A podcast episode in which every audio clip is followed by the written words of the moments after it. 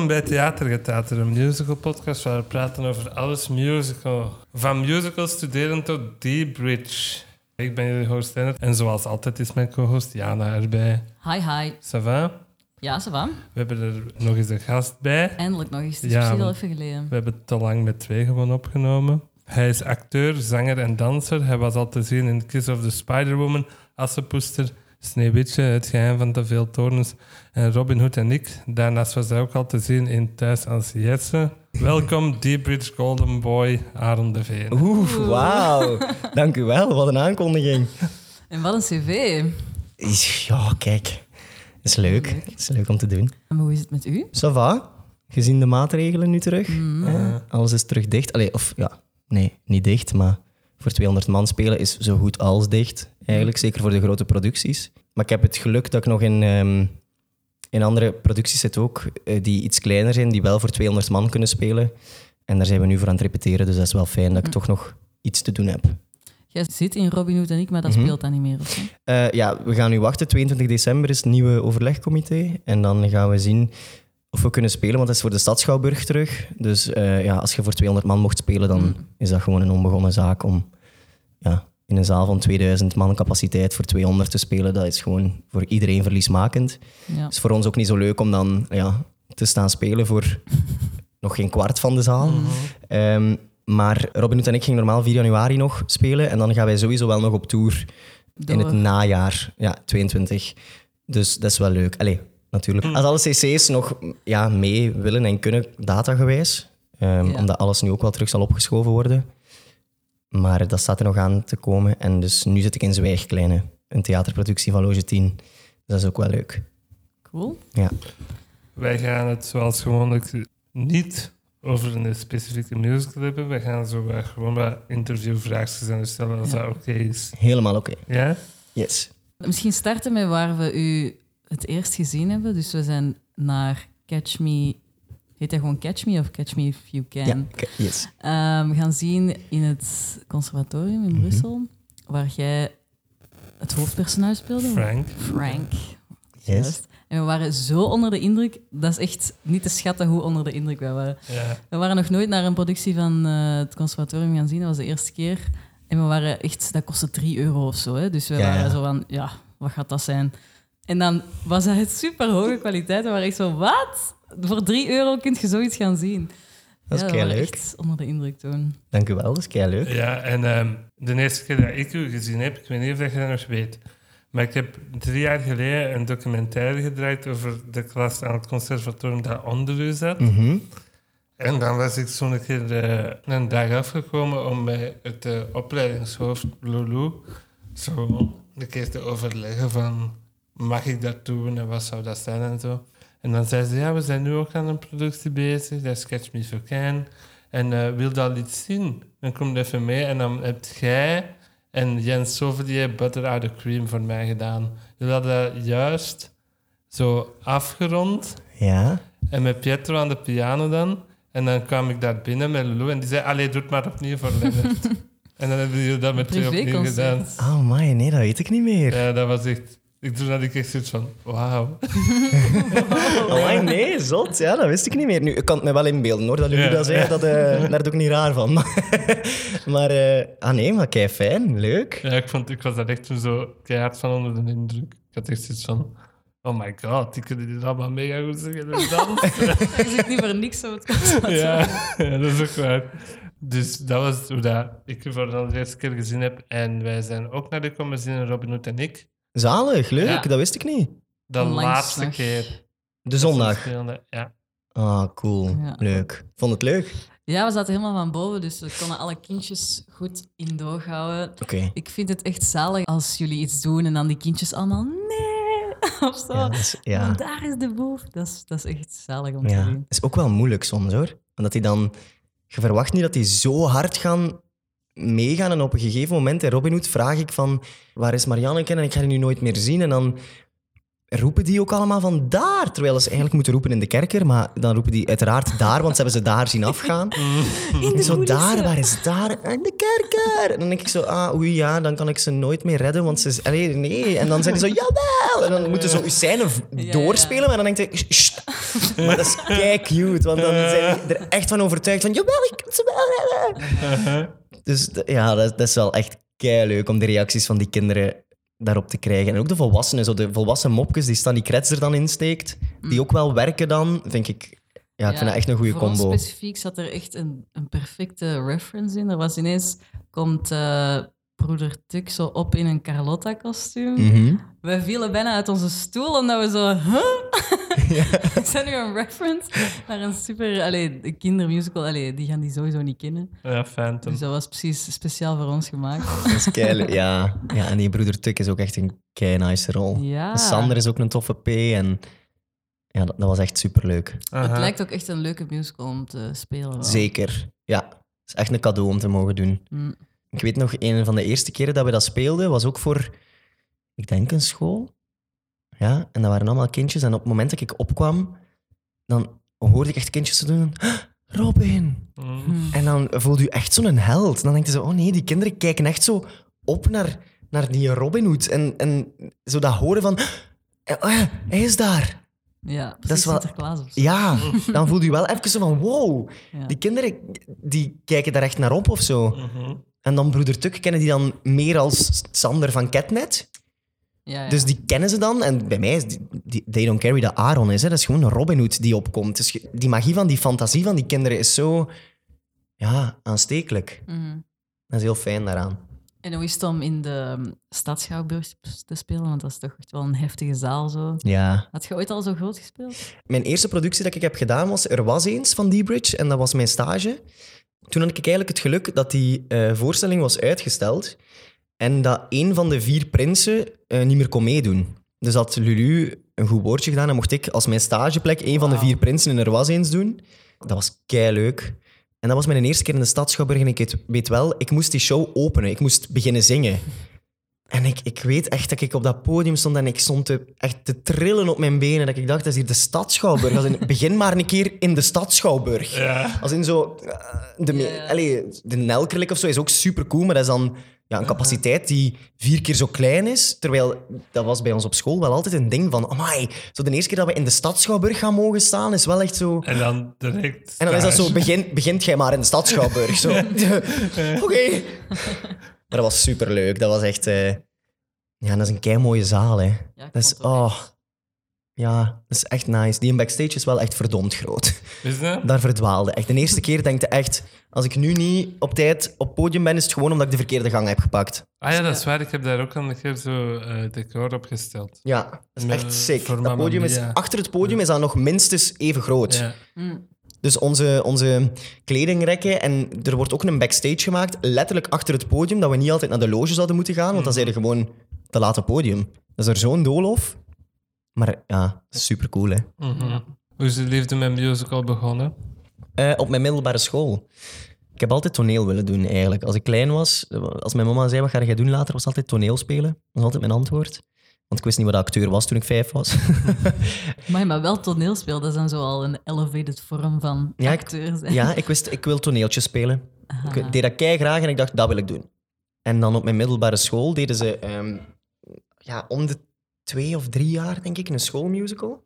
Mm. En mijn leerkracht Expressie, die kwam naar mij en die zei, ah, wilde je geen, eh, geen auditie komen doen? En ik had zoiets van, oh, musical, ja. Ik wil toneel doen, maar om daar nu bij te zingen en te dansen, ik weet niet of ik dat kan. En zei, ja, maar kom maar gewoon auditie doen. En dan was het, mijn eerste musical was Het Land van Niks, heette dat. Eh, ik zat toen in het vierde middelbaar. En eh, daar had ik een heel leuk rolletje in. En toen dat ik in het zesde middelbaar zat, ehm, deden ze de musical Het Lelijke Eentje. En daar mocht ik het Lelijke Eentje spelen.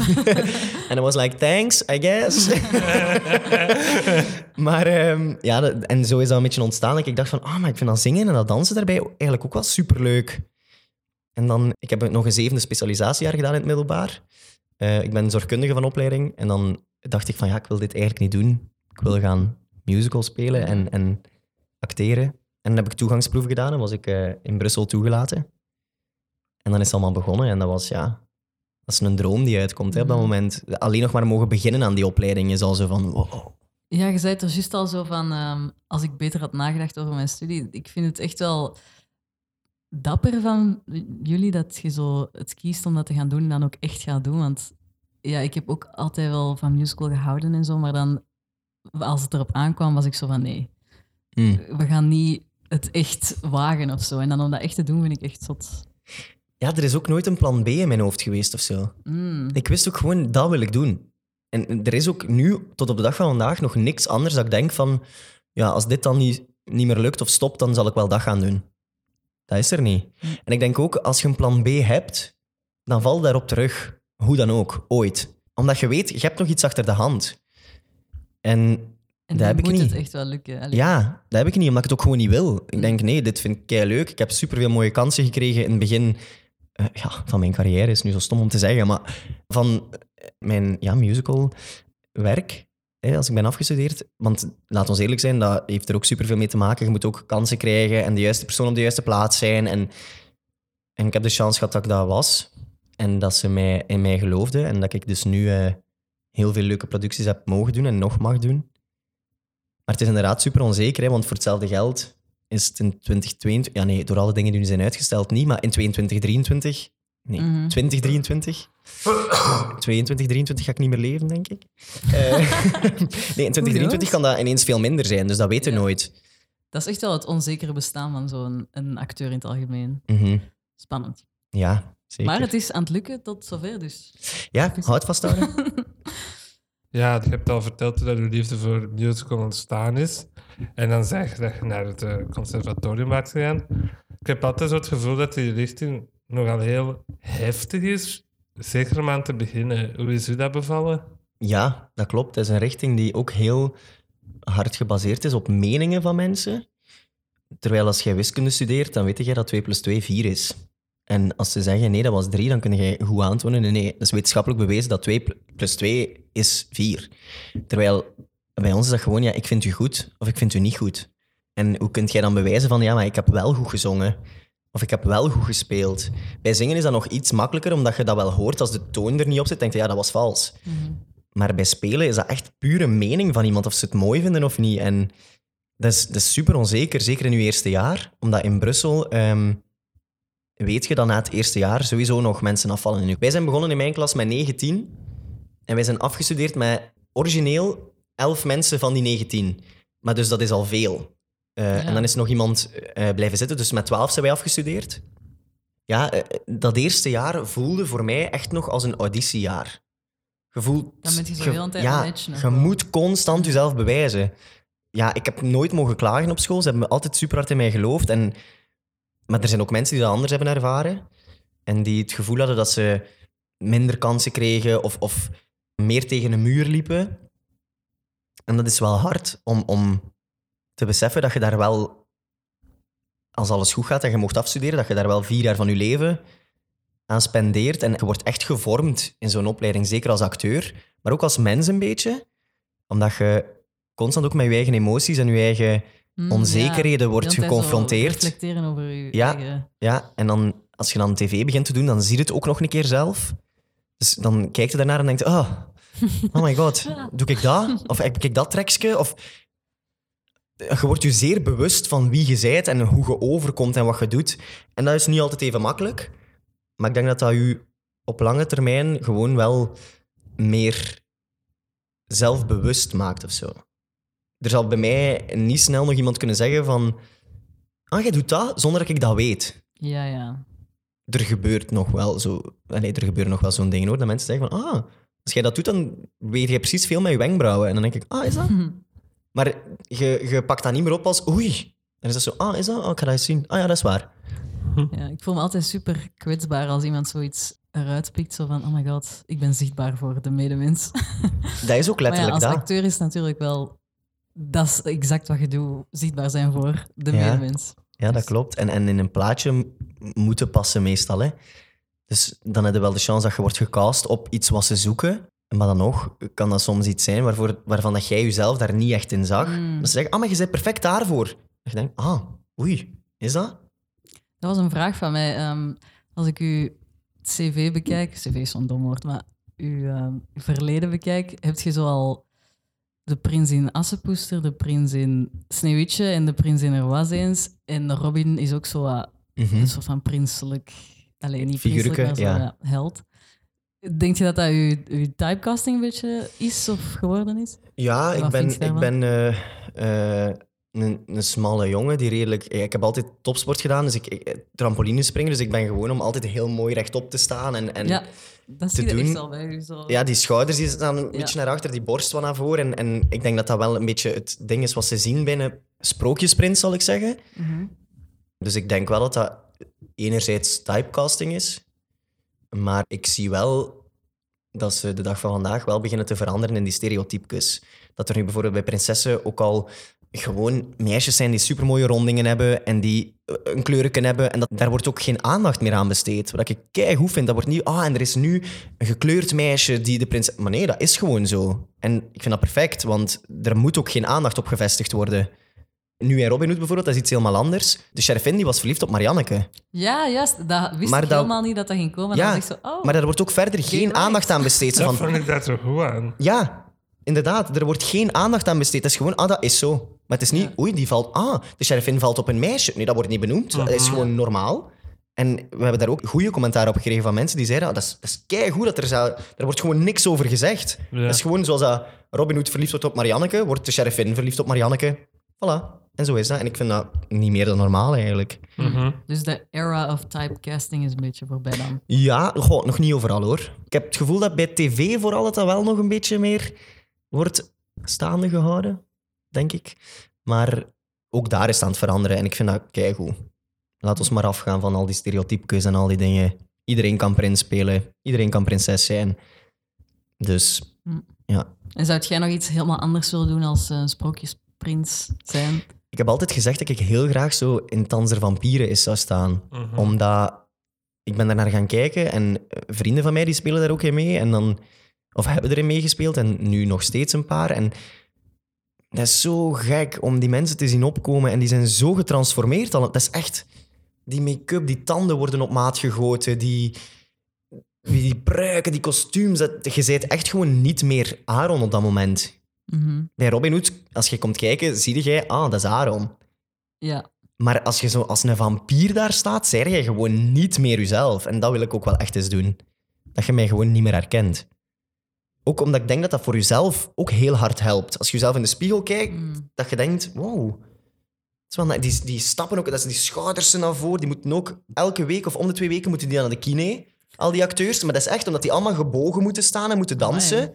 Dus die moeten constant terug... Die spieren moeten terug in orde gemaakt worden. Mhm. Dus dat is wel iets wat ik graag nog eens zou doen. Als we dan over nog rollen zijn die dat je nog wilt spelen, is er nog echt zo'n droomrol dat je, als je echt over niks zou moeten nadenken van wat logistiek mogelijk is of wat zelfs gender mogelijk is of zo, wat zou je nog willen doen? Ja, dat is een goeie. Ik zeg dat ook altijd, maar ik, ah, ik heb dat eigenlijk niet echt. Ik heb zowel bijvoorbeeld een Dear Evan Hansen. Ja, Evan, Die zie ik u echt nog doen. ja, dat, dat zou ik heel leuk vinden wel. Ook omdat dat qua muziek heel pittig is. En omdat dat ook wel echt een uitdaging zou zijn. Omdat ik zanggewijs voel ik mezelf minder zeker dan speelgewijs. Ik heb mezelf altijd eerder als acteur gezien dan als zanger. Mhm. En dan vind ik dat wel leuk om mijn tanden daarin te zetten. Om, om ja, te, te groeien en, en te leren. En, maar ook dan botste gewoon weer tegen een muur. Dat ik bijvoorbeeld zie dat een vriend van mij bijvoorbeeld die noten zingt alsof dat, dat niks is. En ik moet daar dan vier maanden voor op zanglessen voordat ik dat kan. En dan denk je ook, oei. Maar ja, dat is dan ook stemtype of techniek. Of, en zo heeft iedereen iets. Maar dat is wel een rol. Ook omdat die jongen, die, Evan, die heeft autisme. En ik vind dat super intrigerend om te zien hoe dat een acteur dat kan spelen en, en dat eh, juist moet spelen. Want ik vind dat heel belangrijk, dat dat, dat dat juist is, dat dat niet overdreven is, dat dat niet... Rain Man. Ja, Ja. dus dat zijn dingen waar ik mij graag in wil verdiepen. Zo een Leen den Dievel bijvoorbeeld, die heeft dan in thuis een transgender personage gespeeld. Right. En die heeft ook echt naar mensen gebeld die transgender processen hebben doorgaan. Van hoe moet ik dat doen? Omdat je wilt die mensen niet beledigen. Je wilt dat echt op een goede manier spelen en weten hoe voelde jij je. Je leert daar ook alleen maar uit. Zeker als mens, maar ook als acteur, om, om zo'n dingen te mogen doen en je daarin te verdiepen. En je krijgt ook zoveel meer respect voor dingen als autisme of transgender gewijs, terwijl dat ik vind dat dat sowieso zou moeten zijn. Maar het is jammer genoeg nog niet bij iedereen zo Mm. dat er zoveel respect en, en dingen voor is. Nu, bij de meesten wel. Zeker in onze wereld. We zijn allemaal heel gevoelige mensen en de meesten zijn ook heel empathisch. Maar dat zijn dingen die zo een ver van je bedshow lijken, terwijl dat is eigenlijk helemaal niet. Hm. En dat vind ik dan wel mooi om te mogen ervaren. Hm, dat is wel een apart antwoord, want de meesten zijn gewoon zo van... Ja, ik wil dat doen, want dat is superleuk en dat is leuke muziek. En jij bent zo van, ik wil verdieping in Ja. het acteren van iets dat je zelf nog nooit gezien hebt. Maar echt, vooral omdat in musical is het ook heel vaak, wat ook logisch is, omdat er drie disciplines worden aangeraakt, eh, zou ik maar zeggen. Maar is het heel vaak gewoon inderdaad, de diepgang mist soms een beetje. Als in, ja, in een prins is kei leuk om te doen, begrijp me niet verkeerd, maar qua diepgang in een personage vrij- is dat vrij Eendimensionaal meestal. ja, klopt.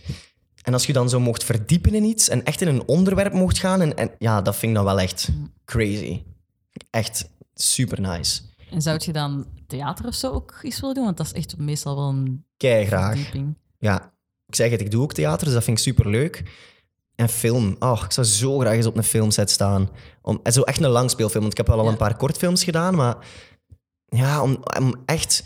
Bijvoorbeeld Lady Gaga heeft nu ehm, die Gucci-film... Nee, ja, House wel, of Gucci. House of Gucci ja, gedaan. En die heeft gewoon de volledige periode en een maand ervoor volgens mij heeft hij volledig met een Italiaans accent gesproken. Ook als hij met haar moeder belde. Ah, die Dus heeft gewoon echt method acting ja, pure method acting heeft Ja. hij gedaan. Pas op, dat is iets wat mij niet zo goed zou liggen, denk ik. Maar dat is ook acteur per acteur. Maar ja, om zoiets te mogen doen en u echt te mogen verdiepen in een personage, vind ik dat wel echt super cool. Maar ik zeg het, Prins spelen en Robin Hood is even leuk hoor. Vooral omdat je, ja, je maakt mensen blij, hè. Mhm. Ja, dat zie je echt wel in de zaal. Dus ja, dat is altijd een cadeau om te mogen doen. Je zei dat Evan zo wel een droomrol is. Is dat uw favoriete musical? Goh, ik luister toch wel heel vaak naar die muziek, ja. Dus dat is zeker één van de favorieten. Mhm. Ja, Heb je hem al live gezien? nee. Heb je de Nee. film gezien? Nee. En weet je waarom? Ik durfde niet meer. Ik snap. Ik heb er keihard naar uitgekeken en toen hoorde ik iedereen erop besje en ik dacht, oef, wil dan ga het ik hem niet niet- zien. Ja. Want ik wil mijn beeld er, ervan Ja, ja. behouden hoe ik het heb. Terwijl ja, ik ben vrij zeker dat het niet aan Ben Platt ligt, waardoor de film slecht is. Want ik vind dat een topacteur. Ook gewoon in de musical zelf vind ik die dat heel mooi spelen en zingen. Maar hij is veel te oud, hè? Hij ziet er 28 uit in de film. Ja, snap ik. Oké, daar ga ik misschien wel in mee. Gewoon omdat hem ook zo tussen highschoolers heel de tijd staat. En dan is het Mhm. zo, what is this old man doing here? Ah, dus Dan oké. valt het nog extra hard op. Ja, Als want- de rest ook zo hard uitgecast zoals in Grease. Ja. Zijn ja maar 35, hè, die acteurs. ja, dat is. Dan valt dat niet zo hard op. Maar hier is het dan zo ineens een van bijna 30 jaar. Dat zo tussen 19-jarigen staat. Ja, dat contrast echt wel wat te groot is. ja, ja. ja.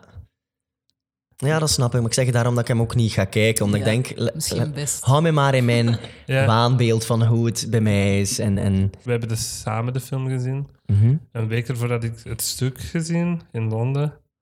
En dat was ook zo van, ik vind dat stuk zoveel beter. dan Had je Sam. Toetie als... Ja. eh, Oh, oké. Nice. En we hebben hem ook al eens samen gezien in New York. En dan hadden we Taylor Trench als Evan. Ook goed? Ja. Ja. Wij, vonden- wij vonden die allebei wel heel goed. Hard geweend. Ja. maar ik had dat dus bij die trailer van die film. En ik dacht, ik ga zo hard wenen bij die film. Maar toen ik iedereen erop hoorde bashen, dacht ik, nee, die gaan we niet kijken. Mhm. Ja, ik zou ook wel aanraden om eerder het stuk te zien dan de film. Maar heb je nog andere musicals waarvan dat je zo zegt van, dat is echt top. Goh, er zijn er zoveel, hè. Ja, Parade vind ik een heel mooi verhaal ook. Die is nog nooit naar boven gekomen op de podcast, maar Nee. we vinden die allebei wel Ja, echt... Parade. Ik, heb het daar zeer ooit op school mijn musical analyse project over gedaan. Ik vind dat ook echt een ziek verhaal. En die muziek is ook kei mooi.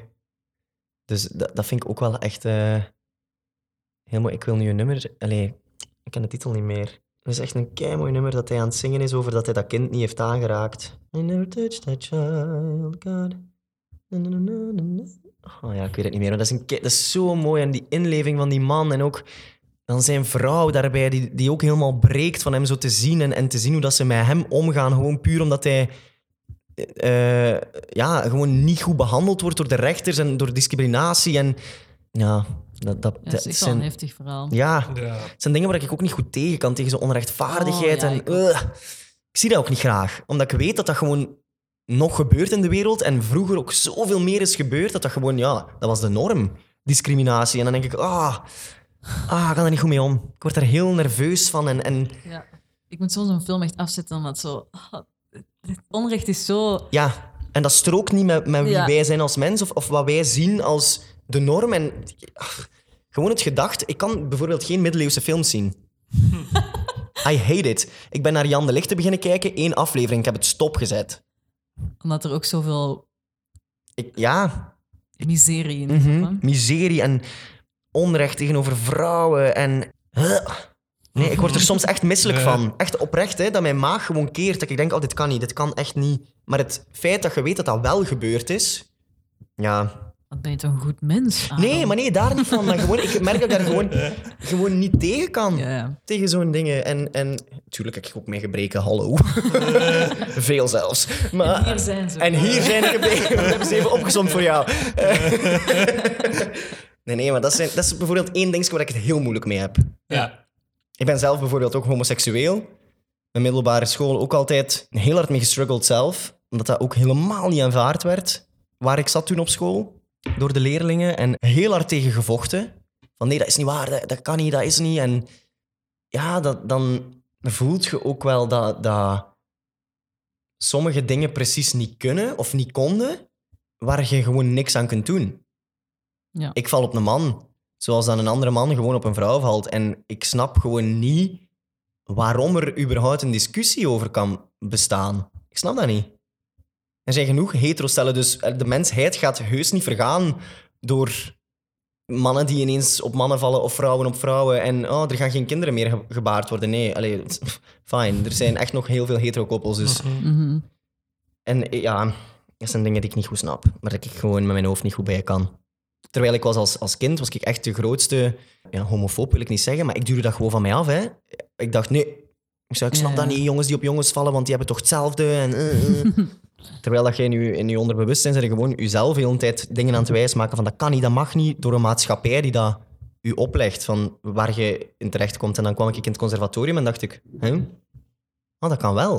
En dat was ook totaal niet raar daar. Dat was zo, ah ja, logisch toch? Mhm. Dus ik denk dat dat er ook wel iets mee te maken heeft dat ik zo...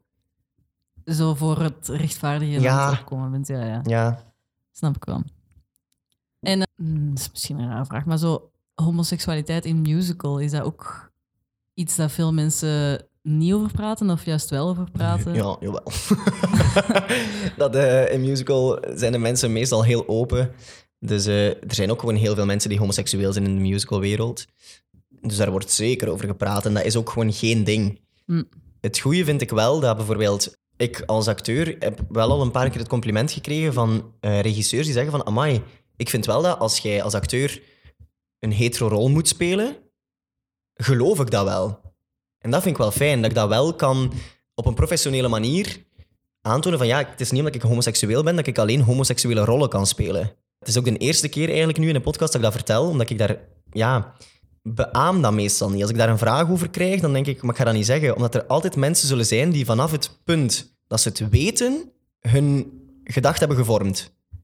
Van, ah ja, maar die is homoseksueel, dus we gaan die niet vragen voor die Right. rol. Terwijl ik denk, maar dat is bullshit. Wij leren acteren, hè, mannen. Een is juist hetero man het kan hele ook een homoseksuele ding van man spelen. Een hetero vrouw kan een lesbische vrouw spelen. En omgekeerd. Dus dat is het hele punt. Wij leren acteren, wij leren ons verplaatsen in andere personages en andere personen. Dus gelukkig zijn er al heel veel regisseurs die daar inderdaad ook echt geen punt meer van maken. Die denken, oh ja, maar ja, zolang dat wij dat niet zien op podium of op, op tv en jij kunt dat verkopen, dan is dat fijn, hè? Mm. Maar ja, zo, die dingen zijn zo soms nog wel... Of het stereotype van, ah, maar je hebt musical gestudeerd, niet te groot, hè? Right, right. Ja. maar mag ik eerst mijn auditie doen en zullen dan notes... Zo, Als je voor een, een, een puur acteer... ja, een tv-rol ja. of zo, bijvoorbeeld. Dan, dan heb ik wel al echt een keer gehoord van, ah, wat, musical gestudeerd? Oké, maar niet te groot spelen, hè? Ja. Is er een groot verschil tussen musical acteren en camera acteren? Er is sowieso een verschil. Omdat als ik musical doe, bijvoorbeeld in de Stad Schouwburg, ja, dan moet je je expressie tonen tot op de achterste rij. Dus mensen die op het balkon zitten, moeten zien als je verontwaardigd bent of als je kei blij bent. Bij een camera staat die camera letterlijk in your face. Dus het kleinste beetje dat je daar met je wenkbrauwen te veel beweegt, is het, ja, dat was te groot. Hoe echter, hoe beter op camera. En in theater moet je wel wat uitvergroten, wat logisch is. Maar dat leren wij dus ook. Uh-huh. En Ja. het stereotype van musical-acteurs zijn alleen acteurs die groot kunnen spelen, dat, ja, dat slaat gewoon nergens op. Maar bijvoorbeeld bij Thuis was dat helemaal niet. Daar heb ik auditie gedaan en die, daar is zelf nooit een punt van gemaakt dat ik musical had gestudeerd. Het was gewoon, ah, maar nee, wij vinden u gepast voor die rol en fijn. Ja. En Wanneer was thuis eigenlijk? Was dat net nadat je afgestudeerd was? Of? Thuis was... eh, 2000, ja, 2019, 2020. Dus ik was een paar maanden afgestudeerd. Ja. En was dat leuk? Hoe Dat is was thuis? keileuk. Ja, dat zijn keileuke mensen. En het personage dat ik speelde, dat was de love interest van mijn beste vriend in echt. Nee, echt? Ja, dus dat was kei toevallig. Maar ja, dat was kei leuk, hè, want ik mocht gewoon elke dag op set staan met mijn beste vriend. Mm. Dat heeft ook wel voor hilarische eh, eh, gebeurtenissen gezorgd, wat ook wel fijn is. Maar ik zeg, dat is een super toffe ploeg. En het werk op zich vind ik heel fijn om te mogen variëren tussen en theater, en tv, en musical. En ja, vind ik, vind ik kei leuk. Ja. Dat je zo nog meer variëteit krijgt dan alleen in theater, waar in theater al heel veel variatie is zelf. Maar ik heb een dag gehad dat ik om zeven uur op set moest zijn, tot zeven uur s'avonds, om dan door te vliegen naar theater, om om acht uur een voorstelling te spelen tot elf. En dan zit ik kapot, maar je bent zo voldaan. Nee, wat een droom wel. Ja, dat, dat, was, dat is zo leuk. Ja. Daarom dat ik ook zeg, ik heb geen plan B, want dat, ik voel gewoon, dit is wat ik wil doen. En ik denk ook dat ik niet zo gelukkig zou zijn als ik iets anders zou doen Mhm. dan wat ik nu doe. Ik zeg niet dat er niks is waar ik nog gelukkig van zou worden, maar op dit moment weet ik het niet wat het dan is of zo. Mhm. Gaat het over zo dat groot en dat klein spelen? Ik heb toch wel het gevoel dat van waar dat jullie komen jullie studie, dat allebei goed kunnen. Want ik heb ehm, drie musical actrices geregisseerd in mijn eindproject fictie. Ik heb daar vaak op zet moeten tegen zeggen van, maar ga groter. Echt, je mocht groter gaan dan wat je nu doet.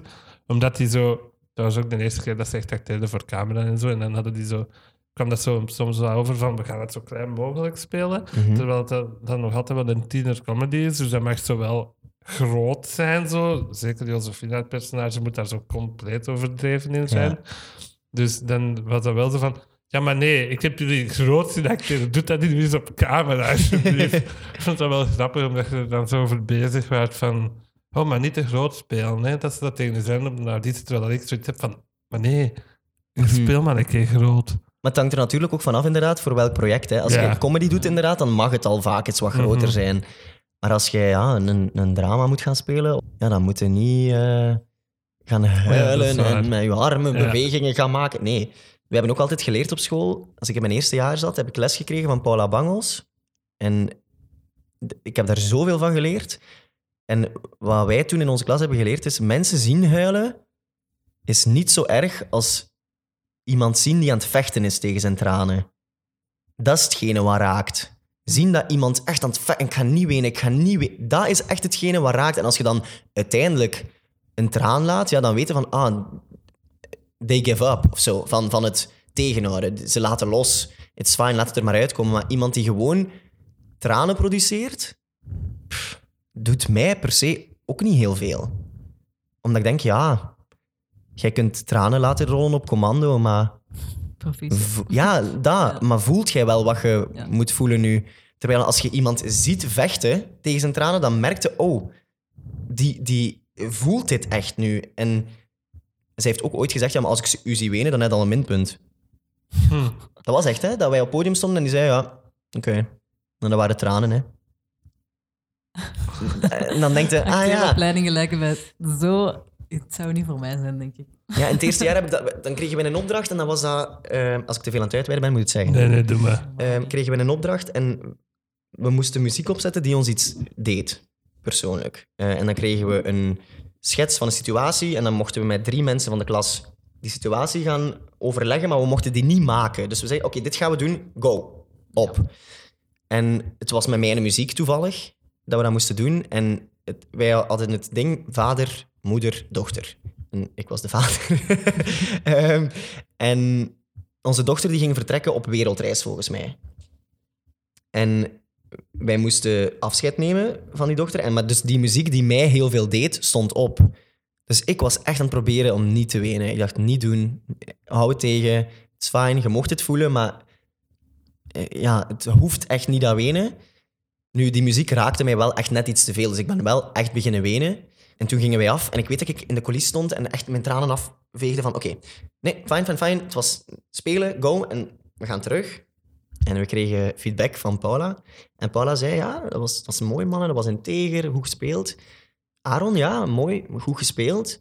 Eh uw tranen waren echt, dat heb ik gezien. Maar ze zei, het was Aaron die aan het wenen was, hè. En niet uw personage. Dus ja, ik begon dan terug te wenen, uiteraard. Want ik dacht, "Ah." Want toen zei ze tegen mij, kijk vriend, het is heel mooi wat je hebt gespeeld, maar als je zo gaat spelen in je carrière, dan gaat het kapot zijn. Als je zo diep in jezelf Als je gaat, dit gaat, Ja. ze zegt, als je dit acht shows per week moet doen, dan ben je een wrak. Ja. En ik dacht, ah, dat is waar. Dus ze zegt, voel nu maar van waar het dat kwam, maar laat dit nooit meer zo dichtkomen. Want daar gaat dan kapot. Ja. En dat is zo een van de dingen die zij ons heeft geleerd, dat je gewoon voor heel je carrière onthoudt. Dat, is echt... Ze heeft ook... Dat was de eerste les. We kwamen toe in onze les drama en ze zei, dit is een streep. Ze had een streep op de vloer getrokken met plakband. En ze zei, als je over die streep stapt, zijt je niet meer... eh, ik ga het nu in mezelf zeggen, zijt je niet meer Aaron. En jij mocht een kutdag hebben. Jij mocht zo verdrietig zijn als je wilt. I don't care. Want ik ben publiek en ik heb betaald voor een show te zien waar jij grappig en leuk bent. En dan denkt je wel echt, als eerstejaarke die net zijn opleiding begint, van holy damn. Ja. Oké, dit is waar we, what we signed up for. En ja, dat is, dat is Mm. kei impressionant, maar je leert daar superveel uit. En je leert jezelf kennen als persoon en, en als acteur vooral. En dat is heel fijn. Ja, dan vraag ik me altijd af bij zo'n show als Dear Van Hansen, Mhm. die moet elke dag zo emotionally wrecked zijn. Yep. Dan moet je het echt wel van je, van je af kunnen houden. Of, Inderdaad, dan mocht je niet naar, naar jezelf gaan, want dan Ja. zeg je gewoon elke dag zelf verdrietig. En dat is niet de bedoeling natuurlijk. interessant. Ja. Welke stukken heb jij gespeeld op KCB? Goeie vraag. Eh, Dat is compleet anders, maar Ja? ik dacht er gewoon ineens aan. nee, dus Catch Me heb ik gedaan in mijn Ja. laatste jaar. En in het derde jaar hebben wij Pippin gespeeld. Ah, In regie van Jeroen Maas. leuk. Ja, dat was leuk. Dat was onze allereerste openbare productie. En dan hadden wij... wij hebben ook Misschien Wisten Zij Alles. En dat was een, een zoekproject met Jan Schepens. Hebben wij ook gemaakt. En ik ben een aan het vergeten en dat is keihard. hè. eh, Pippin, Misschien Wisten Zij Alles. Catch Me If You Can. En... nog een in de derde, niet? Ja, Derde jaar. ik kan er even niet op komen. Eh, Nog één. Maar Ja. ik weet het niet meer. Pippin is wel een heel toffe show, denk ik, om te doen. Dat was super fijn. Is dat niet Ja. wat dansvrij zwaar? Dat viel heel goed mee, omdat Jeroen Maas had daar zijn eigen bewerking van Ah, gemaakt. oké. Dus Ja. het is niet oorspronkelijk Fozzies en Nee. Nee, en dat was wel kei leuk. Ja. Omdat wij echt zo... Ja, ik keek ook echt naar wie heb ik hier in de klas en wie zijn die mensen, wie zijn zij als acteur en als performer. En dan heeft hij daar iets op gemaakt. En ik vind Jeroen een hele goede comedyregisseur. Dus ja, dat was super fijn. Zeker als uw eerste openbare productie was dat kei leuk. Ja, echt. Ik zie dat wel niet per se als comedy. Zeker dat einde van Pippin is zo... Nee, nee, maar er zitten heel veel komische Ja, stukken wel, in. ja. Dus, dus inderdaad, de rol Pippin zelf is Aha. helemaal niet comedy. Nee. Maar zo Fastrada en Lodewijk, als in, dat was ik dan. Ik was Lodewijk Ah, en ja. Fastrada was Milou van Michem. En ja, echt wat wij daarvan hebben gemaakt. Dat was Jeroen had mij ook... ehm, Lodewijk was super zelf ingenomen, was heel ijdel. En overal waar hij ging, had hij zijn slaafje mee die zijn spiegel moest dragen. Zo, om maar te Ja. zeggen, qua humoristische insteek, dat is gewoon zo van de pot gerukt. Eh, de koning had bijvoorbeeld een slaafje die constant met een stoel achter hem moest lopen. Ja. Dus het enige wat dat personage deed, was met een stoel achter hem lopen. En Ja. iedereen heeft dat personage ook onthouden, hè, omdat dat, dat was hilarisch. Maar inderdaad, ja, als je dan naar het verhaal gaat kijken, ja, is dat niet zo grappig, maar dan vind ik dat wel goed dat ze dat dan luchtig oplossen Mhm. of zo. Ja. Omdat hij wel echt voor de comedy wou gaan. ja. Was de leading player een vrouw bij jullie? Ja, Dat is ook altijd tof. ja Idali Samat. Ja. Was, Dat is hoe een heet zij nu weer? Ja, Leading Lady zeker? Ja, Ja, dat is gewoon de leading player. ja personage. Leading Player, ja. Ja, ze had niet echt een naam, hè? Nee. Nee. Terwijl hij wel alles vertelt, hè. Ja, ja, Maar hij ja. heeft zo geen naam, dat personage. Ja, En dat werd in de revival ook gespeeld door een vrouw, hè. Ja. Bettina Miller heeft dat gedaan, dus dan was dat zo van... Ah, tof, die heeft daar ook een Tony voor gewonnen. Maar ja, die We Got Magic to Do, die opening, Ja. dat is... Ah. Echt, ik weet dan nog dat wij dat... Wij kregen dat in de grote vakantie toen. van ons tweede naar ons derde jaar. Van kijk, wij gaan Pippin doen. En ik zocht dat op en ik was helemaal. Ik dacht, oh my god, ga bij dat doen? Echt die... die We got magic to do, just for you. Dan denk je, oh my god. En, en al die circus acts daarin en dat licht. En ik was echt helemaal... Ik dacht, oh my god. Ik vond dat geweldig. Ik vond dat superleuk. Ja. Uw allereerste rol ooit. Ze zei dat je zegt zo'n deeltje speelde vroeger. Mhm. Weet je nog uw allereerste rol? Ehm, ik zat in de derde kleuterklas. Ja. That's where it all started. Maar ja, een rol. Dat was gewoon met, met mijn klasje. Ja. Ik weet daar niet veel meer van, maar mijn mama weet dat nog. Ehm, en ik moest met mijn juffrouw opkomen en ik denk dat wij allemaal een blauw pakje aan hadden of zo. Met zo vinnen aan onze armen, als ik me niet vergis. Of, of stof, ik weet het niet meer. Ja.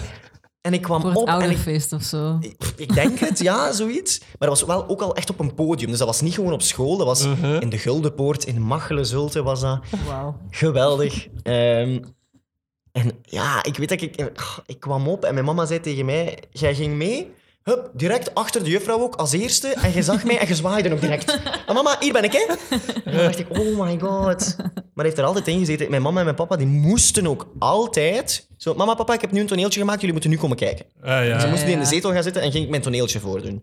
Dat was ook zot van de M-Kids en van Spring. Dus dan had ik ook al die M-Kids dansjes en, en liedjes van buiten geleerd. En dan moest ik dat ook tonen, uiteraard. Want ja, hè, ik moest toch kunnen performen. Eh, dus dat heeft er wel al, altijd in gezeten. Ja, hè. ja, ja. En, en ja, het, het eerste wat ik me kan herinneren is dat van die... Ja, ik denk visjes, maar ik ben niet meer zeker. Ja. Dat kan ook iets helemaal anders geweest zijn. Maar in mijn hoofd waren wij blauwe visjes. Ja. Heb ik mijn eerste toneel al eens gezegd? Nee. Het, eh, de geboorte van Jezus op school. en ik was Maria. en dat was echt... Toen was ik zo van... Wauw, hoofdrol. Ja, Jezus is de hoofdrol, maar die heeft niks te zeggen. Dus Nee, maar jij wordt wel echt Ja. Maria. star of the show. Toch? Dus dat is me altijd bijgebleven. Ja, dat snap ik. Heel nice. Je hebt dat toch uitgebuit in je latere leven? Van, ja, maar mannen, ik heb wel Maria gespeeld. Remember toen ik ooit Maria was? Ja, sorry. That's not how you talk to me. Ze heeft ook in de finale van Junior Eurosong gedaan- gestaan. Dus dat kan ze ook doen. Echt? Ja, met Jens Broes samen. Als Ja, ik- dat is dus al een generatie dat ik niet meer heb gezien. ook maar... niet. Nee, Nee. ja. Ik was eigenlijk zelf te oud al, eigenlijk. En welk liedje had jij? 3, 2, 1, go. 3, 2, 1, go. Ik ga dat straks googlen. Ja. Straks als ik naar huis ga, ga ik direct 3, 2, 1, go, Junior Eurosong. Staat op Apple Yes. Music en op Spotify. Nice. Uw moeilijkste rol tot nu toe. Heb je daar iets bij waar je aan denkt van, dat was echt moeilijk? Kan van alles zijn, hè? Dat kan ook vanuit je studieloopbaan zijn of zo. Wel, goh, dat was niet per se een moeilijke rol, maar Jesse in Thuis, dat was een personage die in de psychiatrie zat. En daar leerde hij zijn love interest kennen, Stan. Die zat ook in de psychiatrie. En ja, Jesse die was, die was smoor verliefd op Stan. En dat was ook wel wederzijds. Maar Stan had dat nog niet volledig geaccepteerd van zichzelf, dat hij ook op jongens viel. Dus heeft Stan Jesse eigenlijk na een tijdje gewoon volledig geghost. Dus dat was ook in uitzending een paar maanden dat Jesse niet te zien was. Ja. En na een paar maanden is Stan in de psychiatrie en komt Jesse terug binnen. En dan was het eigenlijk wel heel heftig om te spelen, omdat Stan die heeft Jesse eigenlijk vernederd en, en letterlijk ook in elkaar geslaan. Daar zijn foto's van, van die make-up, dat is niet mooi. ja, ik zag het. Ja, en weet je, het ding is, als personage om dat te spelen, is dat al heftig. Maar om dan uit te zetten dat je beste vriend in het echte leven op u zit, aan het ragen en naast je hoofd op een zandzak aan het kloppen is, is wel even van, oef, dit is niet Aaron en Lennart. Dit Ja. is Stan en Jesse. Even, maar zelf dat was keihard, hè, want ja, zeg maar even het personage die smoor verliefd is en, en degene waar je smoor verliefd op zit, die is u daar in elkaar aan het slaan het geen naam heeft. Zomaar. Omdat hij niet kan voelen van, ah, je komt te dicht. Je bent te dicht aan het komen en, en ga weg. Dus dat was wel iets dat ik dacht, oeh, als personage, als Jesse zijnde, van... Je ziet iemand zo graag en net die persoon slaat u in elkaar. Ja, dat, dat was wel pittig. We waren ook zo, na die scène direct zo... We're fine? Ja, we're fine. Oké, chill. zo, zo, toch even zo van... Ja, eh, terwijl we wisten keigoed dat, dat, dat zijn gewoon aan het spelen, tuurlijk. Maar dat was even zo van... Geef me een knuffel. Oké, chill. Ja, Ja, ja. nice. Ik snap dat wel. Over Jesse en Stan, ik, ik was aan het opzoeken en er was op YouTube zo een, ehm, iemand had een compilation Oh, gemaakt van ja. zo de romantic moments. Ik dacht, amai, er zijn echt Jesse Stan fans. Ja, ja, ja. Stesse, ja, Stesse was het. Stesse, Ah, Stan en. Jesse. Stesse, ja, ja. En dat is heel raar, want ik ben nu, denk ik, bijna twee jaar van uitzending. Twee maanden geleden kregen wij echt zo nog een bericht dat Lennart en ik werden getagd van wanneer komt, komen Stan en Jesse terug. Aha. Ja, dat was zo. Mensen hebben dat wel onthouden, terwijl ik was een, een bijrol. Maar omdat dat zo heftig was, weten mensen dan nog wel van, ah, heb je meegespeeld in thuis? Ja, wat? En als ik dan zeg Jesse, dan zie je dus altijd even denken. En als ik dan zeg, het vriendje van Stan, dan is het, oh ja, Oh, met dat gevecht. met dat, en met dat slaan en al. Ik, ja, ja, ja. Eh, Dus ze hebben dat wel onthouden. Ja. En dat is wel fijn, hè, als je merkt dat je zoiets hebt mogen spelen en, en Mhm. dat dat indruk heeft nagelaten bij mensen. Voelde toch even zo'n beetje trotsheid van, ah, we hebben dat goed gedaan. We hebben dat goed gespeeld. Nice. Wat was de leukste rol tot nu toe? Want dat is heel zwaar. Wat dat Ja, maar ook zegt. Jesse. Ja. Dat is raar, hè? Ook. Ja. Omdat je die kans ook krijgt om dat te mogen doen. Ja. En ik zeg het, de mensen bij thuis, dat zijn zo'n fijne mensen om mee te werken. Dat is een heel fijne groep. Met je beste vriend mogen gaan werken is ook niet per se stom. Allee. Mhm. ja. En Robin Hood. ja. Ja. Want de musical heet Robin Hood en ik. En die en ik was Jessie. Ja. En Jessie is in dan in real life mijn beste vriendin. Dat Dus- is Charlotte. Ja, dat is Charlotte. Ja. Eh, Dus dat is super. Ja, dat is kei leuk, hè. Aha. En dan in Er Was Eens heb ik... dus Ik heb... Wacht, hè, ik ga het even schetsen voor de mensen. Ik heb één beste vriend en twee beste vriendinnen die echt... Allee, als, in, als je dat zo moet noemen. Drie mensen die heel nauw aan mijn hart staan, ik zal het zo zeggen. Want ik heb nog heel veel goede vrienden. En dan heb ik Tine Oltmans leren kennen bij Er Was Eens.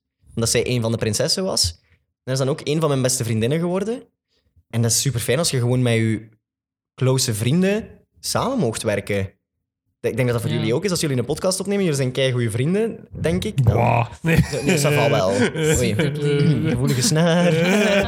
Eh, nee, ik vind dat gewoon kei leuk. Allee, Ja. dat is lachen, gieren, brullen en dan even focus op zet.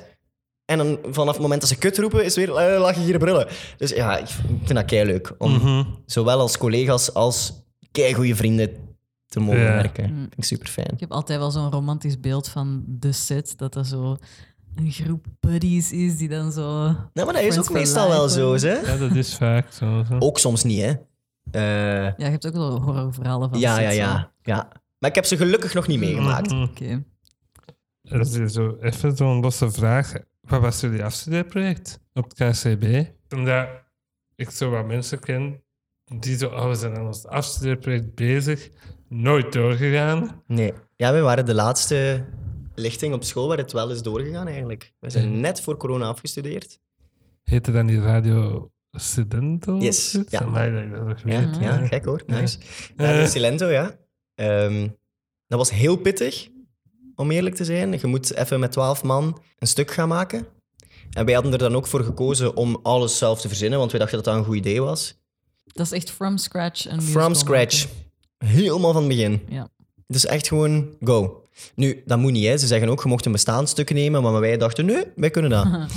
nu, het is gelukt. Wat heel fijn was, maar het was wel pittig hoor. Het Was, ehm, ja, zeker om met zoveel meningen overeen te komen dan. En er waren heel veel haantjes in onze klas. Mm. Dus mensen met een heel sterke mening die de leiding willen nemen. En wat op zich helemaal niet slecht is, hè. Maar ja, je merkt toch wel, je zit ook al vier jaar met elkaar. Ja, je leeft samen. Hè. Als je in een conservatorium op school zit, dan leeft je samen. Dat is gewoon zo. Dat is je leven vier jaar lang. En ik vond dat geweldig. Ik vond dat leuk. Ja, ik, ik ging vorige week naar een stuk kijken en je komt daar na twee jaar toe en je zit direct terug thuis. En ik zie Lulu en ik denk, ah, ons moederke. Hmm. Dat is echt, hè? Dus de- van hart is dat zo'n lieve, warme vrouw. En die kan soms een keer hard zijn en streng, maar ja, dat is een, een opleidingshoofd. Die moet ook soms gewoon, hup, recht voor de raap. En, en, maar ik heb altijd heel veel respect gehad voor Lulu en nog steeds.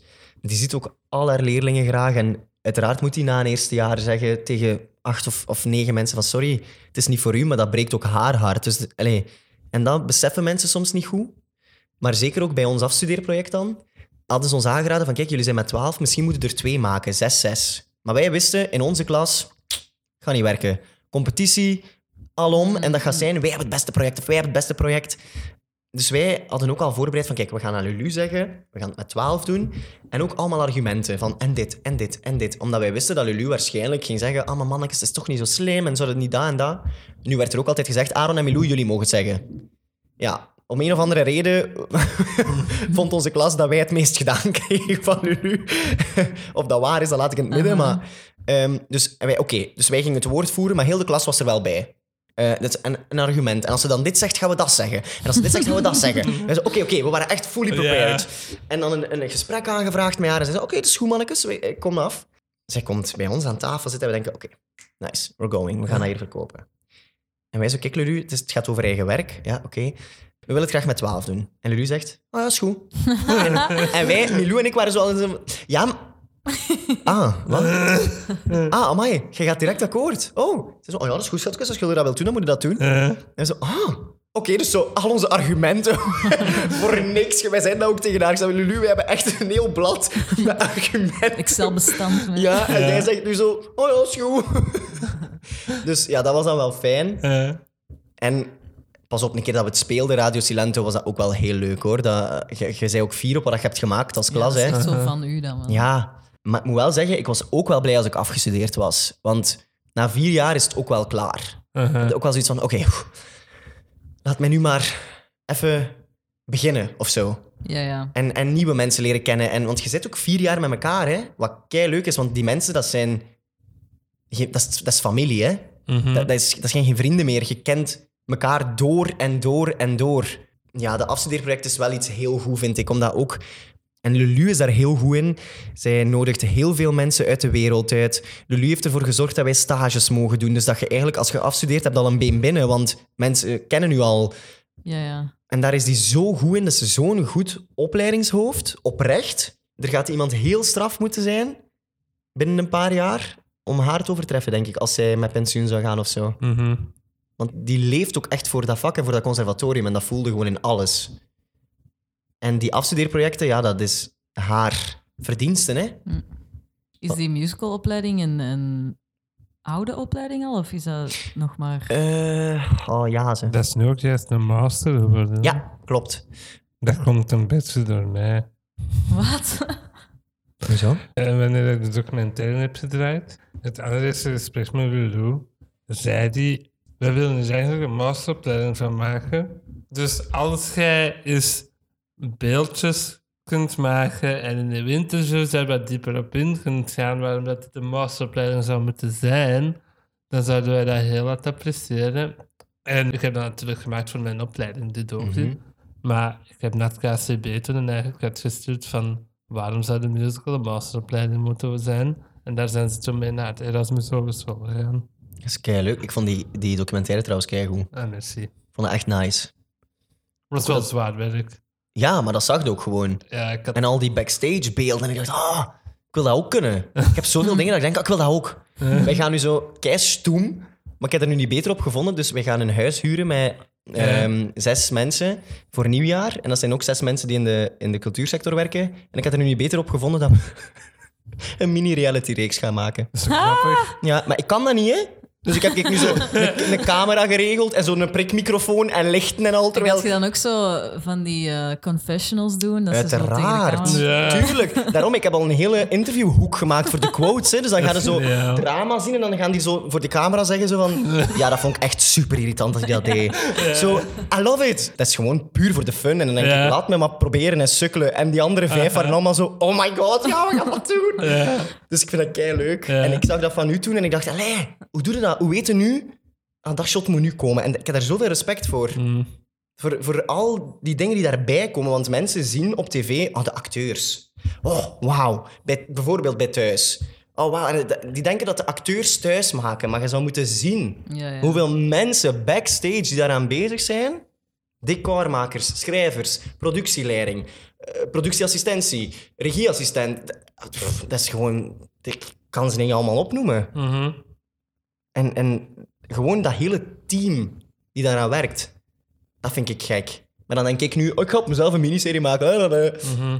Kan ik helemaal niet, maar I want to try. Ja. Dat gaat ook wel van extreem naar extreem, heb ik altijd gevoeld. Bijvoorbeeld Zie mij, de documentaire, die Mhm. heet zo. Die heb ik ofwel alleen ofwel met max twee, drie man op het moment gedraaid. Eén iemand dat geluid deed, één iemand de camera, ik regisseerde. Of gewoon ik die dat geluid, camera en regie. En dan Palooza, dat eindproject van mij, daar stond 30 man op set van crew. Zie, ja, voilà. Dat, dat- ik vind het altijd geschikt. En zo zeker bij kortfilm alleen al. Mhm. Ja, hoeveel Echt? daarbij zo gewoon Hoeveel 10 minuten... man dat, er, dat ik denk, maar how? Hoezo? En, maar dan denk je, ja, dat kan gewoon niet anders. Mhm. De- ik heb de Dash-reclame gedaan, een paar jaar Ja, geleden. Daar hebben we er niet over gehad. Ja, nee, dat hoeft ook helemaal niet. Ehm, Ja, maar altijd als je voorbij komt, is dat zo van... Dat je van Catch Me If You Can. Ja. ja, de servetten zijn vuil, hè, de servetten zijn vuil, ja. Maar dat was leuk om te doen. Maar ik heb nog nooit op een professionelere set gestaan dan die van de Dash-reclame. Ah ja. Dat was waanzin. Ik, ik kwam toe en ik dacht, where the fuck am I? Precies zo'n Marvel-film of zo, maar dan voor het... Maar dan voor Dash.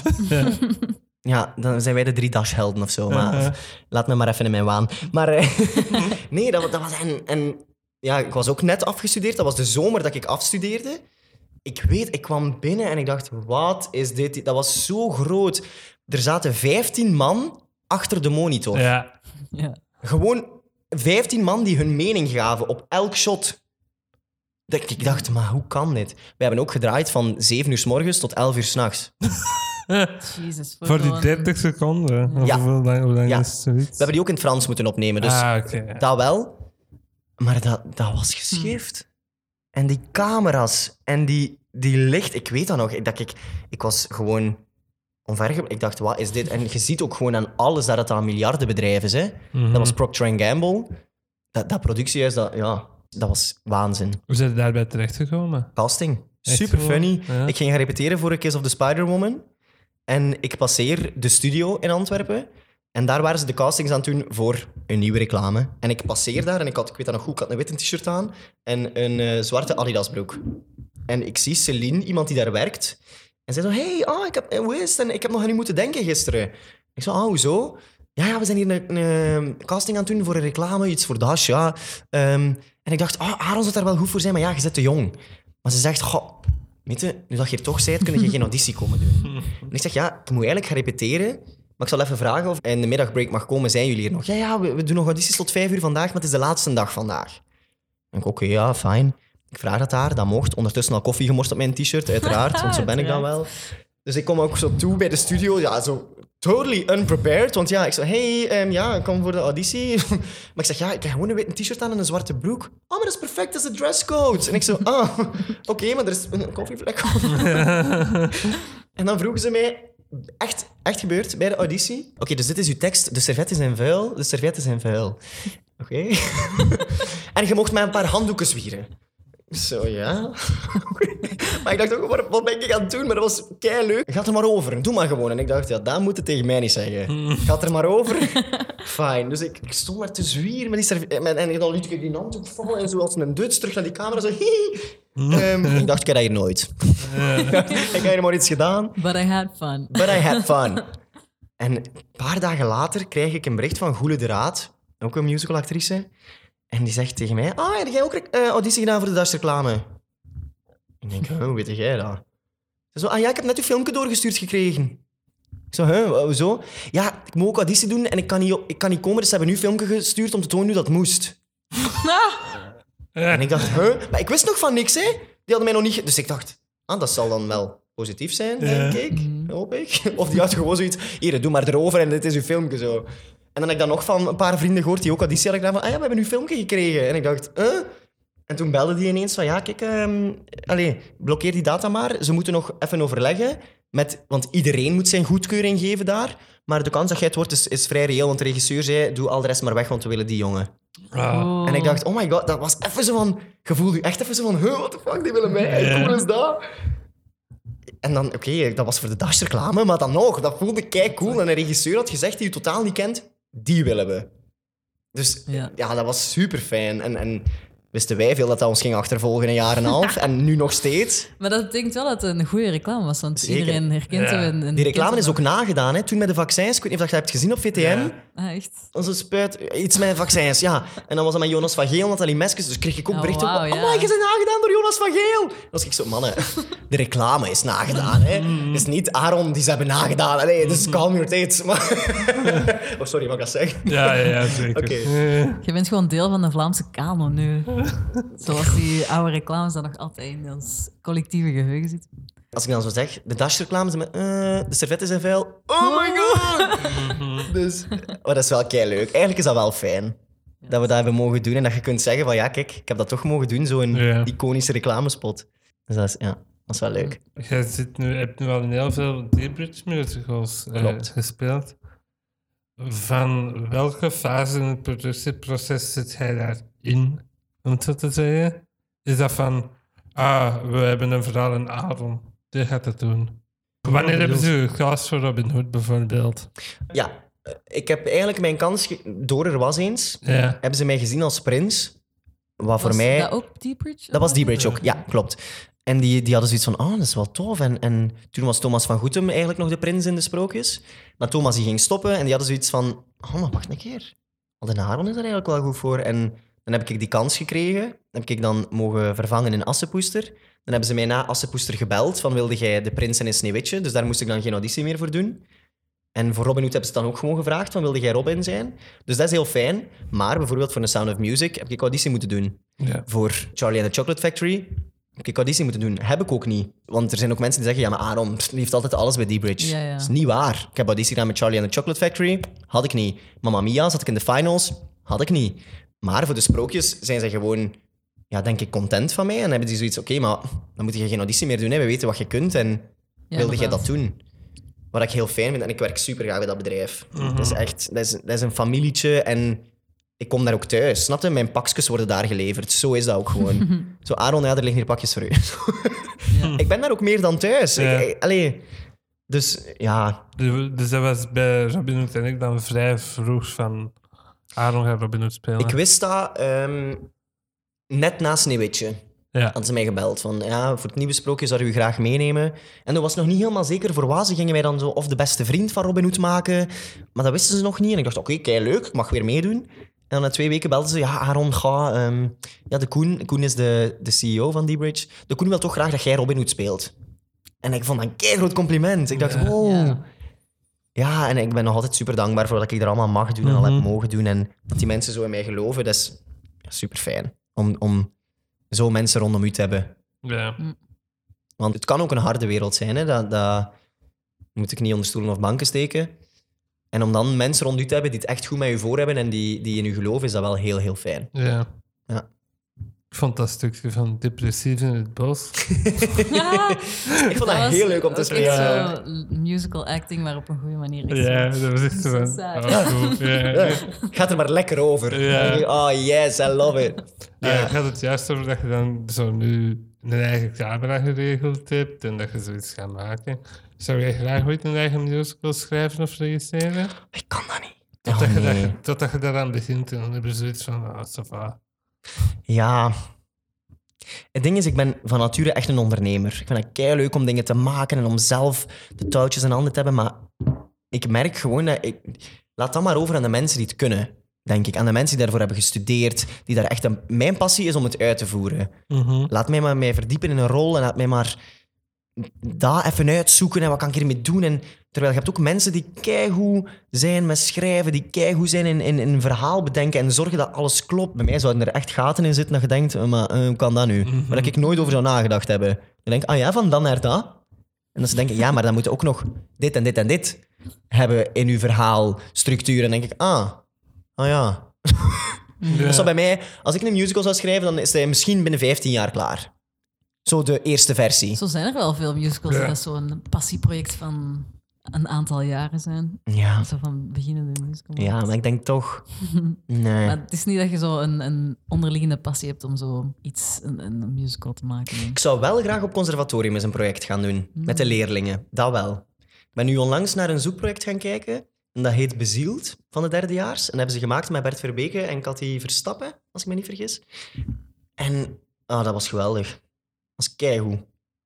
Die leerlingen hebben zoveel kansen gekregen en die, die speelvrijheid op de school is ook nog zo groot. Zoek maar en doe maar. En dan hebben ze daar een geheel van gemaakt en dat was, dat was zo mooi. En toen dacht ik, ah, maar dit wil ik ook wel eens doen. Mhm. Zo, maak maar iets. Ja. En nodigt de school dan altijd iemand van de professionele sector al uit om dan met leerlingen samen te werken? Ja. Of- Ja, Ja, vaak. dus, vaak Dat echt. Allee, eigenlijk altijd. De regisseurs zijn altijd mensen die in het werkveld staan. Wat dat heel fijn is, hè, want die leerlingen leren dan ook al die mensen kennen. Ik zeg het, daar is Lulu keigoed in. In connecties leggen en zorgen dat haar leerlingen eigenlijk al gekend zijn bij het wereldje. Door stages, door hun producties, door de mensen die komen kijken en worden uitgenodigd op de producties. Allee, dat, dat is Ja. dat is echt een Ja. heel groot voordeel dat wij is hebben. wel echt belangrijk in dat soort werk. Kei belangrijk. Ja. Ja, echt wel. En denk je dan dat je een kans maakt als je niet die opleiding hebt gehad? Of een opleiding hebt gehad? je maakt zeker een kans. Ehm Noord in de Moor is bijvoorbeeld ook een van de grotere musicalartiesten bij ons in Vlaanderen en die heeft geen opleiding musical gevolgd. Hm. Maar is die daarom minder goed dan iemand die een opleiding heeft gevolgd? Helemaal niet. Noordin die heeft op de balletschool gezeten, als ik me niet vergis, in Antwerpen. En dan is die musical beginnen doen. En kijk nu, die speelt ook maar lekker de hoofdrol in Charlie and the Chocolate Factory. En heeft ook Charlie Chaplin, denk ik. Ja, Chaplin. Ja, die heeft ook Chaplin gedaan. Daar was hij ook de hoofdrol in. Dus ja, dan denk ik, die mens die kan even goed, zelfs soms beter, eh, zingen en dansen en, en, en acteren dan mensen die het hebben. Dus Mhm. ergens vind ik niet, dat, dat moet geen maatstaf zijn van je moet gestudeerd hebben om dit te kunnen. Maar krijg je meer kansen en heb je meer een voetje binnen al? Ja, dat wel. Het is moeilijker om, om erin te rollen als je... Ja, ja. Je moet echt wel zo naar open castings gaan Ja. en geluk hebben dat ze je leuk vinden. Ja, ik weet ook niet hoe dat daunting. daar is ingekomen eigenlijk. Ik ga eens vragen. Ik weet dat niet. Ik weet alleen dat ik dat een heel goede musicalacteur vind. Dus allee, ik- daarom dat dat ook direct top of mind was. Zo van, ja, Norden bijvoorbeeld. Ja, de Kleimans. Ja, Ook niet. maar ja, Allee, spring is wel... Tuurlijk, ja, ja, maar Ach, geen nee, opleiding, hè? ja, Als ik me niet vergis. Mhm. Nee, ik denk dat Jelle geen opleiding Jelle Kleimans een background is. Ja, ik ben niet zeker, maar volgens mij heeft hij geen opleiding gehad ook. Dus qua kwaliteit hoefde zeker niet per se een opleiding gehad te hebben, maar de kansen zijn wel Ja, ja. voor de hand liggender als je een opleiding hebt gedaan. Damn, een droom. Nee, go for it, go! Je zat dan in Zoo of Life, hè? Ja, die Life gedaan? Altmans, ja. Ja, leuk. Ik heb dat niet gezien. En toen was ik ook nog geen vrienden met Tine, dus Tine, don't blame me. ik heb ook naar Lisa gekeken, uiteraard, want ja, dat was zo... "Hihi." Dan zo vroeg hij mij zo vorige week, kijk je eigenlijk nog altijd? En ik zo, maar niet het zot. zeg, ik heb een half jaar gekeken voor u, maar toen had ik ook zoiets van, ja, Ja. En zij zo, zeg. En ik zo, ja, Tine. maar ik vind dat dan ook niet erg, dus dat is wel leuk. Eh, ik heb nog een laatste musical vraagje. Favoriete componisten? Weet je dat? Je zei daar juist al Patrick Paul en Jason Robert Brown. Mhm. Maar heb je er zo nog een waar je aan denkt? Oh, ik durf het niet zeggen, maar ik ben daar kei slecht in. Mijn klas die lag me daar ook voor uit. Charlotte bijvoorbeeld, die lag me daar echt mee uit. Dan zegt hij, "Allee, dat kan toch niet dat jij niet weet wie dat die muziek heeft geschreven? Ik zei, ja, jawel. Is echt een musical, misschien weet ik Ik ga gewoon zeggen Steven Sondheim. Veilige keuze. Thanks. Please, vraag niet wat hij geschreven heeft. Onze, onze aflevering hiervoor gaat over Company van Sondheim. ja, dat vind ik oprecht wel ook een heel mooi musical. Heel goed. ja. Ja. Hebben wij ook gezien op school toen en ik vond die kei leuk. Die is funny ook, hè? En in Fonties heb ik die ook gezien. Ze hebben die in Fonties ook als een afstudeervoorstelling gedaan. En die vond ik ook kei, kei leuk. En dat is inderdaad een goede musical. Heel veel leuke personages in. Leuke diversiteit ook. En ja, dat vond ik tof. Ja. En goede muziek. Ja. Heb je vragen over TikTok? Ja, we hebben het echt nog niet vermeld, maar je bent eigenlijk een TikTok-fenomeen. ik heb u daar ook al heel vaak tegengekomen. Ik was zo, ik ken, ik ken die mensen ergens van. Ik had helemaal niet de link met Catch Me dan gedaan, maar dat bent jij dus. Wat doet je op TikTok en hoezo bent jij tiktok Je hebt misschien ook eerst uw gebruikersnaam. Ja, Ja, het is gewoon mijn naam. Aaron de Vene. Eh, Mhm. zoals mijn Instagram en TikTok. Alles is gewoon mijn, Ja. mijn naam. Ja, dat is begonnen in de lockdown. En er was een vriendin van mij die zei... Allee, je moet dat eens... Echt zo de eerste lockdown, hè. Ah, je moet dat downloaden. En ik zei, man, nee, zot, TikTok. Dat is voor kinderen. Zoals en dat is... iedereen ja, begint. Ja, ik zei, man, nee. pff, moet ik op TikTok gaan doen? Dat is voor kleine kindjes en dat is om dansjes te doen. dacht ik, ja, pff, interesseert mij niet. Zo, nee, nee, dat is niet waar. En kijk, en dan stuurde hij mij zo soms filmpjes door en dacht ik, oh, dat is wel grappig. Zo van die lip-sync filmpjes en... Ze zei, allee. Ik dacht, oké, ja, kijk, ik zal een account aanmaken, maar gewoon om te kijken. Wist ik veel wat ik moest maken. Mijn eerste filmpje dat ik maakte, dat was een quote van de Kardashians. Kei grappig. En ik dacht, ach, ik vind dat wel leuk eigenlijk om te doen. zo dat zo filmpje, nog een filmpje, eh, eh, eh, en dan zo die lip-sync doen. En ik dacht, ah, dat is kei leuk als dat zo samenkomt. En in West-Vlaanderen is er een filmpje wat echt viraal is gegaan. En dat is Bert met de ei. Dat is, ik wou het net vragen, dat is het eerste wat ik van u zeg, Ja, volgens mij. Bert met de ei. En dat is een jongetje die ja, met een Antwerpse interviewer zit en die zegt: Je bent Bert? Nee, Bert. Eh, eh, wel, ja, Bert. Nee, nee, Bert. met de ei. Dus dat is hilarisch hoe dat, dat kind dat doet. En ik dacht, oh, ik ga dat lipzinken. En dat is ontploft. Dat, echt, dat had honderdduizenden views. Dat ik dacht, wat is dit? Ja, op Dat is TikTok kan niet het zo snel gaan, Ja. ineens. Ja, en ik dacht, oké, ja. En ik maakte nog een filmpje en weer 100.000. En hup, 200.000. En ik dacht, wat is dit? Maar het was lockdown. Dus dat waren ook maar cijfertjes op mijn gsm. Wist ik veel. En als je op TikTok mensen niet volgt, kunnen die ook geen berichten sturen. Die kunnen wel commenten op mijn filmpjes, maar die kunnen nu geen privéberichten sturen. Mhm. Dus merkte ik daar heel veel van. Nee, ik zag ik staan op mijn dingen, 300k. Zag ik na mijn, naast de filmpje en dacht, oh ja, oké. Cool. Ja, je denkt wel, cool, maar... Maar ja, maar je hebt dat niet door. Omdat je, je zit de hele tijd binnen, je doet niks. Ja. Totdat de lockdown ineens versoepelde. En, En ik kwam ik- terug buiten. Bijvoorbeeld naar het stadhuis ging, want ik ging verhuizen. En ik dacht, ah, ik moet nog mijn parkeervergunning gaan aanvragen. En ik kom daartoe aan die balie en die mens achter de balie kijkt naar mij. En ik had een mondmasker aan. Nu, mijn haar was wel wit, dus dat valt wel een beetje op. En die kijkt naar mij en die zegt zo... Ah, TikTok-boy. en ik zo, hallo, het is voor een parkeervergunning. Oh my god. Dus, en dan zaten wij ook zo frappant. Wij waren op restaurant iets aan het eten, een vriendin van mij en ik. En dat was de- een meisje die in thuis meespeelt, al zeven jaar. Passeert er een klas en zei, oh my god, dat is die van TikTok. oei." En zij was ook zo, hoezo herkennen die u en mij niet? Die was zo van, wat, wat is dit? Dat Ja. de generatie. Ja, dat, was- dat is echt gek. Hè? En dan merkte je wel ineens van, oh, in het uitgaan, mannen. Echt waar. Dat ik soms dacht, ja... Ja, ja, ja. Dat ze zo ineens achter mij zo... Bert. En ik zo, oh my god, mannen. Serieus. Ja, of zo. 300.000 is echt de jeugd van Vlaanderen bijna. Dat is Iedereen sick. heeft dat Ja. gezegd. Echt sick. Omdat ineens zei iemand tegen mij, maar 300.000, dat is- een sportpaleis is 20.000. En ik was ineens zo... Minder 12. Of ja, en ik was zo, oh, je wow, zo in wow, wow. perspectief wow. Hoeveel sportpaleizen hebben er dit filmpje gezien? Dan, dan denk je wel even van, oh, damn. Ja, dat is echt veel. En vooral omdat in het begin denkte, hebben effectief zoveel mensen dat gezien? Is het? Totdat je op straat ineens wordt aangesproken, denk je, oh ja, mensen hebben dat gezien. Mhm. Holy damn. En pas op, dat is leuk, hè. Dat is kei leuk als mensen dat tof vinden. En dan bleef ik filmpjes maken. En dan had ik... Ik weet niet of je kinderpraat kent van vroeger. Vond ik hilarisch altijd, als kind ook al. Dan dacht, ze zo van die moeilijke vragen aan kinderen. En dan... ja, ja. En dan was dat zo, wat is plankenkoorts? En dan zegt ik, eh plankenkoorts is als je eh, cola drinkt. Zo. is dat totaal niet op. Ja. En dan geeft je soms kaka. Zo. dan denk ik, wat? Dus ik vond dat hilarisch om te doen. En dan heb ik daar zo'n beetje mijn niche van gemaakt. Ja. Om zo, ja, kindjes praat te lipzinken. En dat werkte, keigoed. Je kunt dat ook goed. Je transformeert echt zo naar een, een zevenjarige zo ineens. Ik vind dat kei leuk om te Ja. doen. Ik vind dat kei leuk. En dat, zo dat onschuldige daarin. En, en, en je hebt ook wel mensen die zeggen van, amai, ik vind die kei arrogant op zijn filmpjes. En dan denk ik, first of all, it's not me. Want ik heb dat niet gezegd. Dat is letterlijk een uitspraak van een kind van Ja. zeven. Dus hoezo heb jij het zelf over arrogantie? Die, een kind van zeven weet niet wat dat is. Ehm, maar dat is echt wel de minderheid. Hè? Dat is echt Ja. super fijn hoe dat mensen zo, oh my god, oh my god. Mhm. Of dat je dan aan het uitgaan bent en dat ik ben meestal zo'n beetje ja, met mijn vrienden op weg en dat zijn dan zoveel meisjes en dan een paar jongens en dat vind ik wel leuk, maar ik ben niet zo van de stoer guys type. Nee. En als ik uit ga, dan mijt ik dat ook zo altijd wel aan. Dat ik denk, Ja. ah, that's not my type of people of zo. Ja. En dan ineens kwam er zo'n groepje naar mij en ik dacht, oh nee.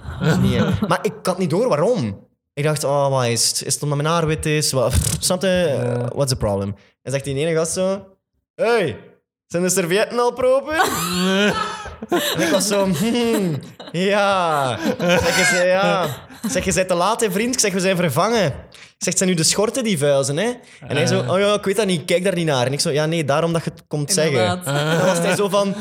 Ah ja, ah ja, ja, ja.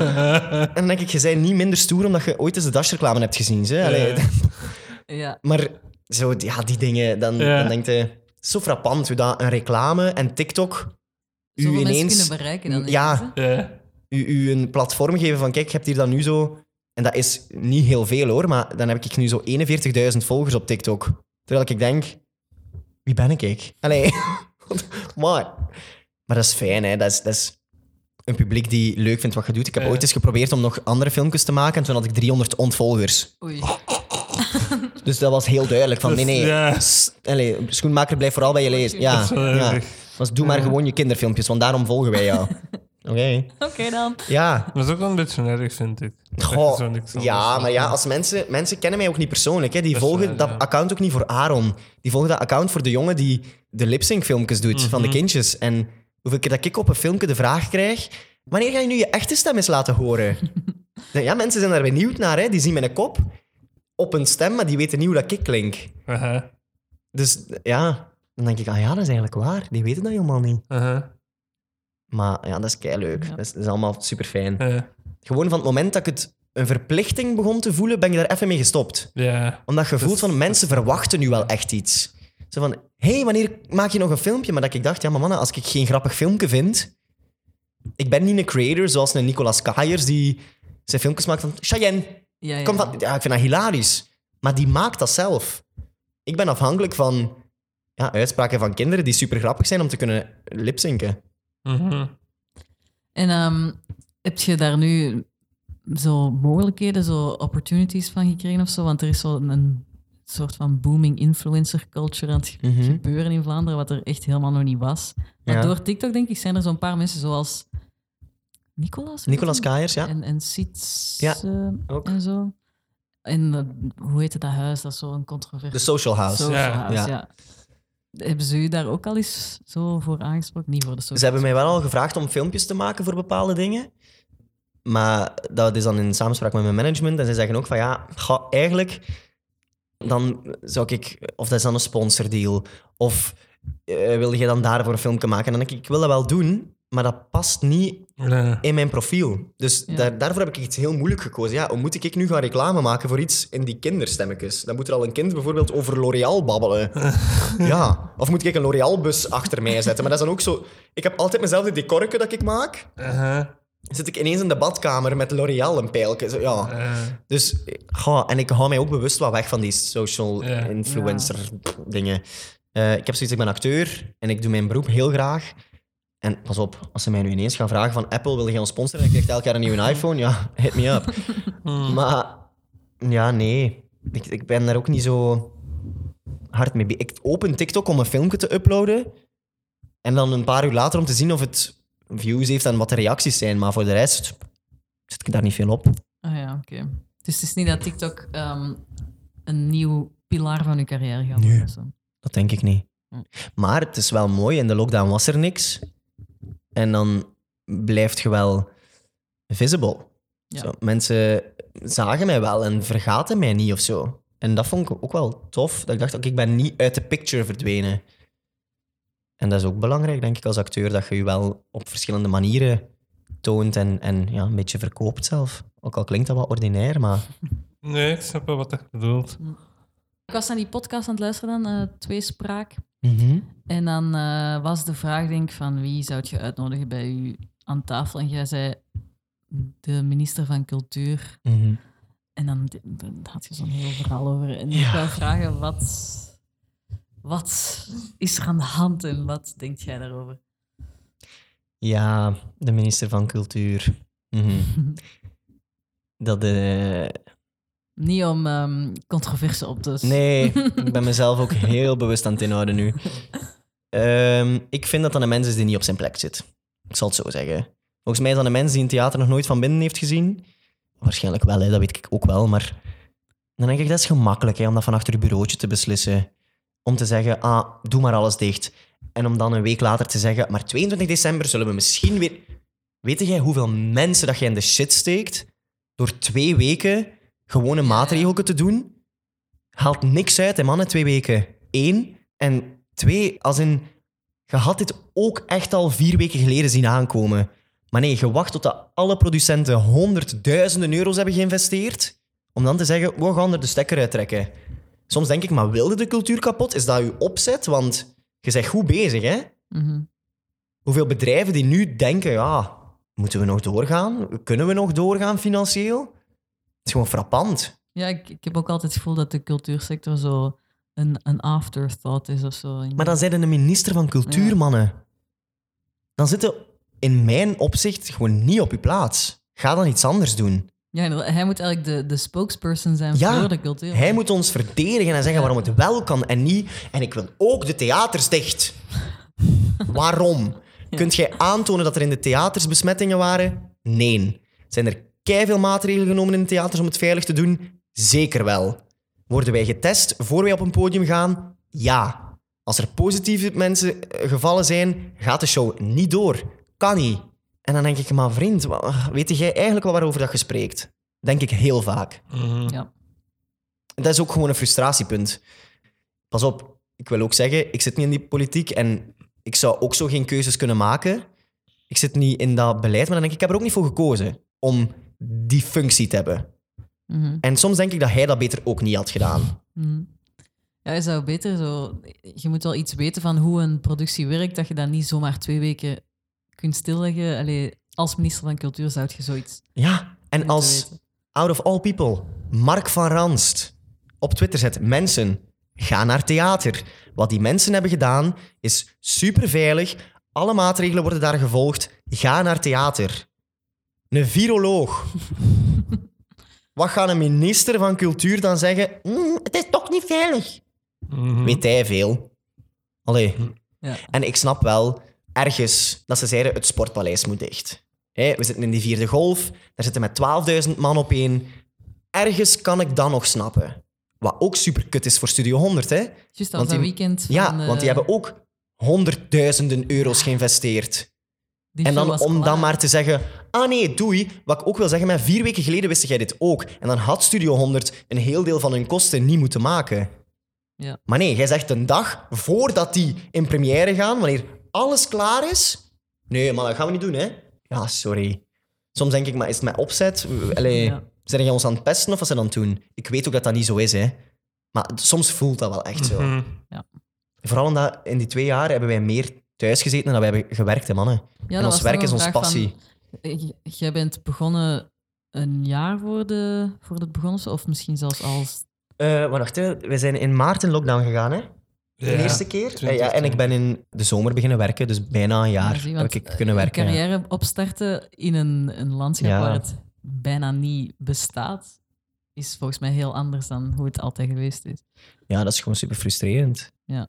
Omdat je voelt van, ah, en ik mag die productie doen en je bent aan het spelen en je hebt plezier en dan ja, wordt je dat afgenomen. En in de Mhm. eerste golf snapte ik dat. Hè. Iedereen zat thuis. Ze wisten ook niet wat die corona was.